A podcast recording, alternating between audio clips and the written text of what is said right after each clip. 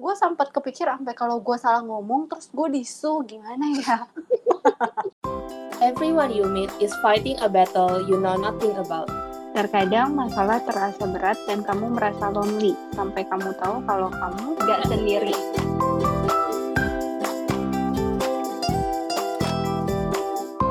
Pun lu inget gak yang pas awal-awal lu nawarin gue buat bikin podcast? Mhm. Pas lu nawarin gue itu, gue udah bersiap di ujung lidah gue kata-kata gak mau ah. Oh ternyata. Honestly. Honestly. Karena gue merasa gimana ya, pertama gue jarang ngepost IG story. Mhm. Dan kedua, gue merasa kalau gue ngomong kayak gitu, itu kayak open diri gue buat dijudge sama banyak orang gak sih? Jadi vulnerable banget posisi gue. Dan kemudian, ini sesuatu yang belum pernah gue coba lakukan sebelumnya. Jadi gue merasa sangat teramat out of comfort zone gue, yang mana gue kelihatan orang yang private, dan kemudian kita bikin podcast dan kita ngobrol, kita cerita, ngomongin aib-aibnya kita, cerita-ceritanya kita. Ya ampun, nanti kalau gue dijudge orang gimana? Dan orang bakal berpikir apa kalau mereka mendengar gue buat podcast? Udah anxious banget. Cuma sekedar ide loh, padahal lu cuma Hmm. sekedar nawarin, baru Hmm. nawarin. Dan gue udah berpikir panjang dan lebar. Gue sempat kepikir sampai kalau gue salah ngomong, terus gue disu gimana ya? Sungguh ketakutan gue. Tapi waktu itu momennya gue bener-bener cuma nanya, Kes lu mau bikin podcast nggak? Itu doang. Jadi lu waktu itu masih belum tahu kan podcastnya itu mau kayak gimana, teknisnya kayak gimana. Iya, tapi kan lu sempat singgung sedikit kalau entar kita kayak ngobrol aja kok, gini gini gini gini. Iya sih, tapi worry-nya gue adalah ketika gue ngobrol sama lu, kan walls gue down nih. Hmm. Berkata gue ngomong sama temen, gue bukan ngomong sama orang lain. Tapi sekarang gue ngomong sama temen, tapi didengar sama banyak orang. Dan gue merasa sangat teramat tidak nyaman berada di posisi seperti itu. Dan habis itu, pas lu habis nawarin, lu kayaknya ngirim ke gue kayak konsep-konsepnya gitu kan. Mm, mm, mm, mm. Dan gue kayak yang si Feli, gue belum bilang iya, dia udah ngirimin konsepnya duluan. Orang udah udah overwhelming, udah stres tiba-tiba gitu kan. Terus tiba-tiba dia ngirimin banyak, ini tuh gue kayak yang apa sih nih? ini apa? Ini asing banget dan gue ngelihatnya kayak oh my god gitu. Tapi akhirnya gue memutuskan ya udah kita coba dulu aja. Mm. Terus lu juga baru pertama kali, gue yakin lu ada ketakutan diri lu sendiri juga, tapi mungkin lu lebih pengalaman kali ya, karena sebelumnya udah udah pernah melalui ini. Sejenis lah, tapi belum pernah melalui yang kayak lu gini juga. Sejenis sejenis. Tapi abis udah lu kayak begitu, akhirnya kita ya udah kita coba bikin dan lu assuring gue kalau ya namanya kita baru pertama kali coba, ya pasti pertama bakal jelek sih, ya udahlah gitu. Hmm. Mending lu nyoba daripada lu nggak nyoba sama sekali dan lu wondering gimana ya kalau misalnya waktu itu gue take that chance Hmm. Jadi akhirnya gue berpikir seperti itu dan gue ya ya udahlah kita coba dulu aja. Tapi nih Kes, gue mau nanya, waktu lu kan udah apa ya ngerasa takut segala macam semua, terus akhirnya lu ngeiyain ajakan gua, lu pasti ngasih ngerasa ragu-ragu dong sama gua. Iya. Maksudnya dengan, dengan project yang gua propose ke lu ini. Nah, gimana rasanya lu waktu kita pertama kali rekaman? Oh pas gue pertama kali rekaman gue merasanya biasa aja walaupun karena nggak merasa kita live karena itu Uh-uh. nggak live kan Heeh. dan emang itu recording yang nanti bisa diedit lagi jadi gue nggak terlalu worry pas itu dan waktu itu kan kita setuju kalau kita akan recording episode 1 sampai 5 dulu abis itu baru kita akan post di IG story Mhm. baru kayak promosi gitulah ya Mhm. Nah, jadi gue masih nggak terlalu worry tuh sampai Hmm. episode 5. Tiba-tiba pas yang lu bilang, Kes, ini udah episode 5 nih, udah gue upload. eh, kita udah mulai mau post gak di IG story-nya. Hmm. Terus lu kayak kasih ide gini, gini, gini, gini. Kalau lu tahu gue, gue jarang banget ngepost di IG story gue. Tiba-tiba dia bilang, udah waktunya kita promosi nih guys, kayak gitu kan. Dan gue langsung yang gimana dong? Akhirnya lu kan nawarin, ya udah kalau nggak gue yang post, lu yang repost aja. Gue kayak apa sih waktu itu respon gue Bon gue kayak ragu-ragu gitu ya dan gue bilang kayak dibedain aja dah Iya soalnya kan gue lumayan sering ngepost yang aneh-aneh kayak apa ya minta pendapat kayak Mm. apa ya survei ala-ala gitulah di IG story. Mm-mm. Jadi gue IG story itu kalau sekalinya gue ngupload itu bisa banyak, tapi sekalinya gue hening hening banget. Iya. Dan sementara lu kan bukan apa ya tipe yang bakal sekali ngupload bisa banyak punya gitu. Gue ingat waktu itu lu ngomong kayaknya kalau lu nge-repost langsung dari postingannya gue kayaknya nggak lu banget. Iya, dan gue putuskan ya udah akhirnya gue ngepost IG story cuman satu waktu itu. Dan itu gue sebelum ngepost gue kirim ke lu dulu kan. Iya, iya. saking anxiousnya gue saking gue merasa nggak comfortable banget. Duh gue boleh nggak sih gue take down episode sekian di podcast gue? Karena gue ngerasa kalau gue promosi dan orang denger tuh gue akan gimana kayak gitu. Dan gue sempet ngomong kan gue tiba-tiba Iya. menyesal cerita aib gue yang lu bales gue juga menyesal gue nangis kayak gitu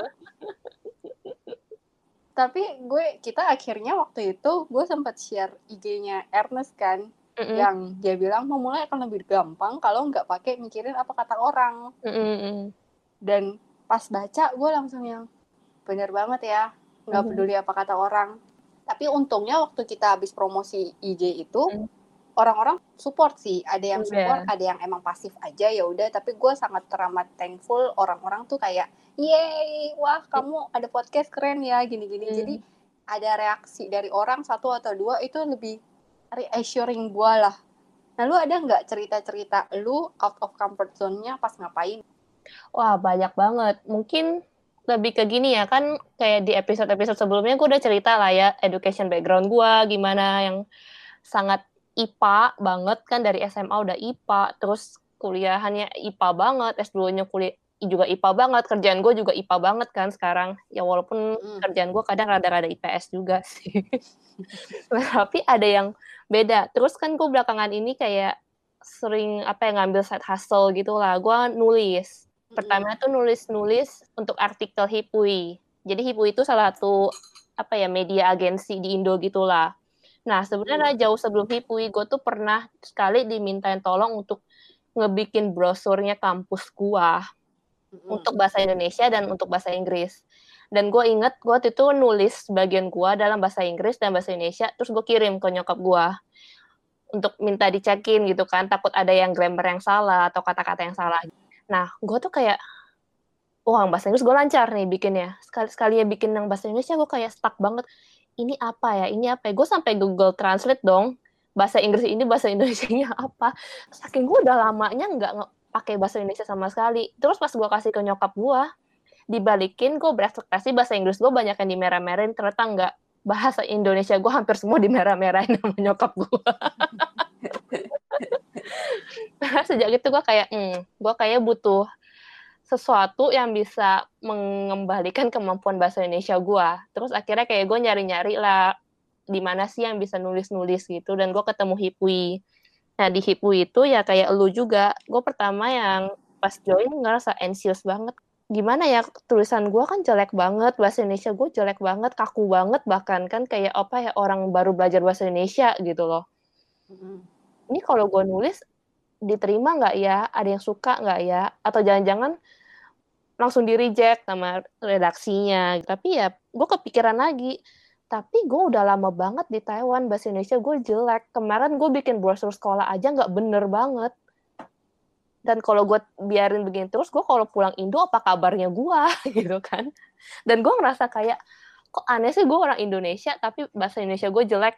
Terus ya waktu yang gue nulis brosur sampai gue akhirnya nulis di lagi tuh ada jeda lumayan lama sih karena gue sempat kelupaan dan akhirnya pas yang gue keinget ya udah dah gue kerjain aja di Hipwi dan ternyata reaksinya unexpected banget. Gue nggak ngerti sih.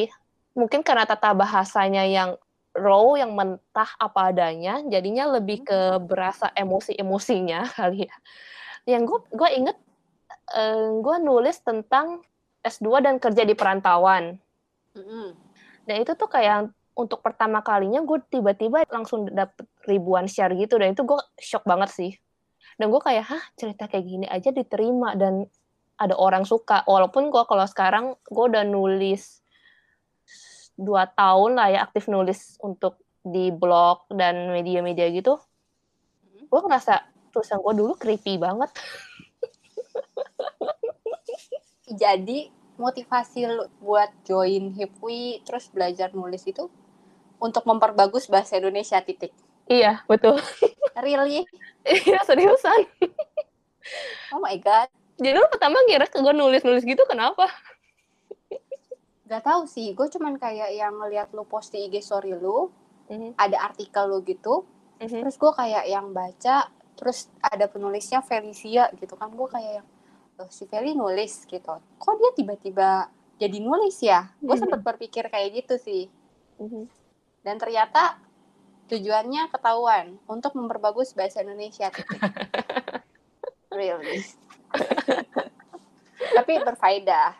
Iya lumayan sih kayak dari situ ya mulai diajakin join barengan untuk bikin apa ya nulis konten sama temen gua kan. Ya walaupun sekarang kita lagi take break terus juga dari artikel-artikel yang asal gue tulis di Hipwi, maksud gua kayak nggak bener-bener yang mengikuti kaidah kamus besar bahasa Indonesia KBBI gituan. Hah? Tapi ternyata gue malah dapet change untuk kerjasama, untuk bikin laporan gitulah untuk KDEI, Kantor Dagang Ekonomi Indonesia di Taipei. Jadi dari hasil yang niatnya memperbagus bahasa Indonesianya berkembang jadi suatu yang lebih baik ya dengan berusaha Iya, out dan of comfort zone-nya itu. Iya dan di situ kayak gue belajar kayak kita nggak harus nunggu punya sesuatu yang bagus dulu untuk bisa di share. Bahkan kadang hal-hal yang kita anggap hasil karya kita tuh jelek banget, ternyata tuh ada aja yang suka gitu. Cuman masalahnya kamu bisa ketemu nggak tuh kelompok orang yang suka sama hasil karya kamu atau enggak? Tapi memang di hidup itu banyak momen out of comfort zone-nya sih kayak hari pertama kerja Mm-mm. pasti hari pertama masuk SMA, hari pertama masuk SMP, semuanya Mhm. pasti begitu. Tapi kan lama-lama biasa juga ya. Mm-mm. Gue sebenarnya kalau soal kerjaan, gue pernah juga tuh kayak gitu. Mhm. Kan gue pas dari kerjaan pertama pindah ke kerjaan kedua itu jauhnya jauh banget. Dari yang gue di kantor pertama itu tiap hari duduk di kantor, ketemu orangnya itu-itu aja, pekerjaannya begitu-begitu aja, dan ya duduk 8 jam sehari di depan komputer Mhm. ketek-ketek gitu kan. Hubungannya sama sama komputer doang. Tiba-tiba pas gue pindah kantor, tuh gue jadi orang lapangan. Sehari tuh bisa ketemu banyak orang dan lokasinya beda-beda terus. Mhm. Dan waktu itu gue cewek, gue Mhm. tidak bisa membaca Google Map. Lu tahu gue tiap kali ke tempat orang ditulis alamatnya dan gue kayak gue nggak pernah lihat alamat ini ada di mana ya. Jadi gue selalu patokannya titik di Google Map. Titiknya di mana? Pokoknya gue tinggal pesen online ke sana, udah. Itu bener-bener situasi kerja yang beda jauh banget. Mhm. Yang sebelumnya juga corporate banget, tiba-tiba gue pindah ke yang startup. Gue anxious banget pas pindah. Gue kayak mau melakukan suatu kesalahan deh. Kayaknya gue tipe orang melankolis yang gak bisa pekerjaan kayak begini deh. Mhm. Karena gue ngerasa orang melankolis ya pasti duduk di depan komputer, ngetik-ngetik tiap hari gitu. Ini gue ketemu orang tiap hari dan gue introvert. Sehari sebelum gue masuk, gue kayak yang udah resign, udah udah ibarat kata lagi masa kosong gitu kan, kayak cuti kosong gitu. Dan gue kayak yang gue gimana dong? Besok masuk kantor baru tapi gue nggak siap nih kayak gini, iniannya Hmm. beda banget nih, mentalnya gini gini gini banget nih. Terus gue kayak yang balik lagi bertanya pada diri gue sendiri terus kenapa lu terima tapi? Pas di interview kenapa lu bilang iya mau masuk. Malam itu gue nggak bisa tidur jadi gue Mhm. browsing browsing Instagram dan gue ketemu quote ada akun IG tentang mental health gitulah. Dia tuh tulis anxiety often lies. Sometimes the most rewarding things in life are right outside your comfort zone.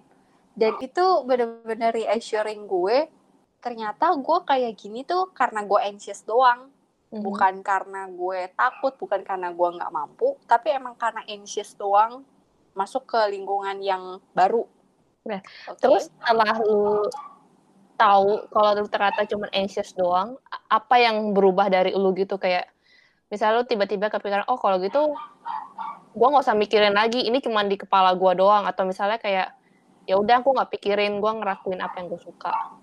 Jadi kayak apa yang lu lakuin selalu tahu itu cuma anxious di kepala lu aja. gue rasa nggak ada cara lain yang tiba-tiba bikin gue switch sih gue cuma memutuskan untuk ya udah go for it aja lah ya udah masuk udah tanda tangan kontrak dan lu udah resign Jadi lu nggak mungkin tiba-tiba mundur. Hmm. Dan worst case scenario-nya tuh apa sih? Kalau misalnya gue nggak betah, gue tinggal ya bertahan lah mungkin satu tahun habis itu udah gue tinggal pindah lagi. Gue rasa gue bisa hidup dengan itu, ya udah gue jalanin aja. Tapi lu setelah ngejalanin kerjaan sekarang ini, lu tuh kayak berapa lama sih lu baru mulai merasa nyaman? Terus karena udah nyaman kan sama kerjaan lu? Hmm, gimana ya? Dibandingkan nyaman lebih ke lama-lama terbiasa aja sih menurut gue. Kalau lu gimana sekarang pas lu nulis? Udah biasa? Apa mulai kehilangan inspirasi buat menulis? Gua mungkin lebih ke gini ya. Waktu gua awal mulai nulis untuk ke media-media sama style nulis gua sekarang udah beda jauh sih. Kalau dulu kan apa ya kayak gua akan nulis pure dari eh, pengalaman gua, apa yang gua alamin, apa yang gua rasain. Terus kalau sekarang gua mulai mencoba membaca market. Weh, bahasa gua. Wede. Susah, susah. Ini misalnya gini, kayak gue udah nentuin, oh gue maunya market gue misalnya untuk orang-orang Indonesia, range umurnya sekian sampai sekian nih. Nah, kira-kira mereka tuh bisa biasanya bacanya kayak gimana? Oh, biasanya bacaannya yang bawa perasaan banget misalnya, atau mungkin bacanya lebih kayak yang pendek-pendek, ke puisi-puisi, segala macam semua. Tapi gue menemukan satu kelompok yang bacaannya tuh berat, sesuatu yang punya value gitu kan. Nah, gue gimana nih biar bisa menjangkau kelompok-kelompok yang berbeda-beda ini? Akhirnya cara nulis gue sekarang adalah gue menggabungkan cerita yang gue alamin sendiri uh, tips and trick yang mungkin udah gue coba sendiri dan value-value yang gue temuin dari buku dari YouTube atau dari mana pun gitulah kayak gue combinein gue jadiin satu gitu di satu artikel untuk blog gue dan menurut gue ternyata gue bisa apa ya jadi bikin style nulis gue yang baru yang beda dari biasanya dan ternyata menurut gue ini lebih diterima gitu. Ya walaupun mungkin jumlah share-nya nggak sebanyak waktu gue awal-awal nulis kan. Karena biar gimana pun juga orang Indonesia itu kan minat bacanya belum setinggi orang luar. Jadi sekarang lu lebih targeted gitu ya maksudnya ya ceritanya. lebih targeted terus juga lebih hati-hati sih sama pemilihan kata dan pemilihan cerita yang di share karena ya itu apa pun yang udah lu share di internet stay forever. Lu mau di What gimana pun juga uh, Yes. Ketakutan semua orang adalah seperti itu. cuman kayak lama-lama ya gue mulai cuek aja kayak you take it for or leave it gitu loh. Kalau menurut lu lu dapet value dari gue ya silakan follow terus tulisan-tulisan yang gue share. Kalau menurut lu gua tulisan-tulisan gue mengganggu ya tinggal unfollow aja. Terus gue udah nggak terlalu mikirin kata-kata orang sih dan terus menurut gue kayak gue dengan jujur apa adanya gue ceritain gue sejauh ini nggak pernah kayak yang di demoin atau dapat komentar-komentar yang ih apaan sih? gitu segala macam. Enggak sih. Dan seenggaknya maksud gue kalaupun misalnya ada yang dulu ada yang komen sih kayak gitu. Tapi ya entah kenapa gue nggak ngerti sih orangnya udah komen terus kan masuk email ke gue terus pas gue buka langsung di blognya gue itu udah di delete sama dia. Oke. Tapi lu pas baca komennya gitu kayak bikin jadi demotivasi gitu nggak sih? gue kayak gregetan sih awal-awal terus kayak lama-lama gue mikir ya tapi dia siapa terus kayak gue kenal enggak ketemu enggak bahkan akunnya bukan pakai foto gitu loh Oke. terus Jadi kayak, lu kayak ya udah doesn't matter lah gitu. ya pertama-tama kepikiran sih terus kayak lama-lama ya udahlah buat siapa juga kan gitu kan dan maksud gue kayak ya mungkin dia nggak suka ya itu kan tadi gue bilang di awal gue udah lebih ke, lebih targeted nulisnya gue ya mungkin aja dia emang bukan targetnya dari untuk tulisan gue dia nggak dia baca nggak ngerti dan akhirnya dia marah atau apa ya udah urusan dia gitu loh Kalau gue kalau pas podcastnya itu gue broadcast dan kemudian ada orang yang kayak kayak komen lah ya, ih apaan sih lu? Kayak gitu. gue rasanya bakal langsung yang oh my god. Oh, kayak gue bakal bakal gimana ya karena gue merasa gue terekspos banget dan tiba-tiba orang nyerang langsung tek pas gue lagi vulnerable Hmm. jadi gue bakal gue rasa gue bakal diem sih dan gue bakal kayak yang merenung. Gue tuh tipe orangnya gimana ya mungkin karena ilmu akuntansi gue mengajarkan gue jadi di akuntansi itu ada yang namanya apa sih bahasa akuntansinya? Gue lupa tiba-tiba. Bahasa simpelnya apa kes? Gue nggak ngerti bahasa bahasa akuntansi. Ya gue cuma tahu duit masuk duit keluar udah itu doang. Bahasa simpelnya adalah ketika ada kegiatan hutang berhutang Hmm. itu secara akuntansi mengakui adanya cadangan bahwa ada kemungkinan orangnya nggak bayar hutangnya ke gue. Heeh. Jadi ketika lu ngutang ke gue nih misalnya 100 juta, Hmm. gue ada bikin cadangan bahwa lu kemungkinan nggak mampu bayar 20 juta. Jadi ada Mhm. kemungkinan 20 juta itu nggak masuk ke gue kayak gitu. Hmm. Nah, gue terapkan prinsip ini tuh ke orang juga. Jadi Mhm. gue tuh selalu ngelihat orang dan gue kasih dia cadangan buat dia akan suatu hari nanti mengecewakan gue, ibarat kata gitu lah. Mhm. Gue lebih kebal justru ngadepin orang, mau dia Hmm. ngomong kayak apa atau dia kritik kayak apa, gue cuma kayak, oh ya udah, karena ini udah gue cadangin dari awal. Lu suatu hari nanti pasti akan mengecewakan gue. Jadi gue udah taruh itu di depan dan jadinya gue nggak banyak ekspektasi ke lu lah buat all the best atau lu akan selalu baik sama gue kayak gini-gini. Ya namanya manusia ya pasti ada Hmm. momen mengecewakannya kayak gitu. Mhm. Tapi ya balik lagi yang dari uh, captionnya si siapa namanya si Ernest Mhm. kan dia ada nulis juga ya orang tuh cuman bisa ngomong lu udah bisa bikin dan Mm-mm. gue yang ya ya juga sih dia cuman bisa ngomong lu tapi nggak bikin apa-apa komentar ya udah biarin aja gitu. Jadi lama-lama gue rasa emang kitanya yang harus tebel kulit sih. Iya. dan gue rasa salah satunya juga apa ya don't take yourself seriously gitu loh. Jadi kayak yang gue bukan orang yang hebat gue bukan orang yang wah jago banget ngomong gini gini gini. Ya emang gue masih belajar emang masih banyak kekurangan gitu. Mhm. Jadi kalau misalnya orang ngomong ih lu jelek banget sih gini gini isian obrolannya gitu Mhm. ya emang kita masih belajar ya kan Mhm. dan emang karya kita ya akan bertumbuh nanti mungkin akan bagus sesuai dengan waktu sesuai dengan pengalaman yang udah kita punya tapi currently memang kita adanya di tahap ini ya sudah gitu Hmm. Iya, gue jadi ingat eh gue waktu awal-awal untuk berani bisa nulis ke internet itu waktu itu gue ngebaca blognya Mas Iqbal Haryadi. Dia itu apa ya hostnya podcast subjektif, juga head marketingnya dari kitabisa.com. Nah, dia tuh ada nulis tentang tiga prinsipnya Mas Iqbal dalam berkarya. Prinsip pertama itu dia bilang first draft is always rubbish. Jadi karya lu pertama itu pasti sampah gitu, nggak usah nunggu bagus baru dipublish gitu. Dan prinsip kedua itu bukan yang terbaik tapi lebih baik. Jadi maksud dia adalah lu dalam berkarya itu nggak harus selalu jadi yang terbaik, tapi gimana caranya karya lu berikutnya lebih baik daripada karya lu sebelum-sebelumnya. Dan jadi lu itu harusnya terus bertumbuh dan berkembang. Bukan mengejar jadi yang paling. Nah, yang prinsip ketiga itu adalah satu orang aja dan ini yang selalu gue inget bahkan sampai sekarang sih satu orang aja. Setiap karya itu pasti ada penikmatnya, bahkan yang paling aneh dan gak masuk akal. Jadi satu orang aja yang bilang senang dan karyanya bilang thank you atau merasa bermanfaat dari karya yang gue hasilkan menurut gue itu udah alasan utama gue untuk ngeluarin karya-karya berikutnya gitu. Kalau lu lu ada yang value apa yang selalu yang lu pegang nggak tiap kali lu mulai ngerasa anxious lagi ngerekam lagi nggak ya ngedit lagi nggak ya gitu kayaknya kalau sekarang udah gimana ya udah sistem Bun. kita kan udah bikin sistem bahwa kita tiap sekian minggu kita akan upload tanggal segini Hmm. segini segini segini jadi kayak nggak back out lagi nggak berpikir bahwa gimana ya apa udahan aja ya setelah sekian episode kayaknya ini biasa aja deh stagnan aja gitu iya sih cuman karena kita udah ada sistem dan kita udah ibarat kata kita udah tetapkan semuanya gue tinggal jalanin doang. Hmm. jadi nggak ada alasan buat mundur. Kayaknya yang paling bikin alasan buat mundurnya out of ideas aja sih sekarang.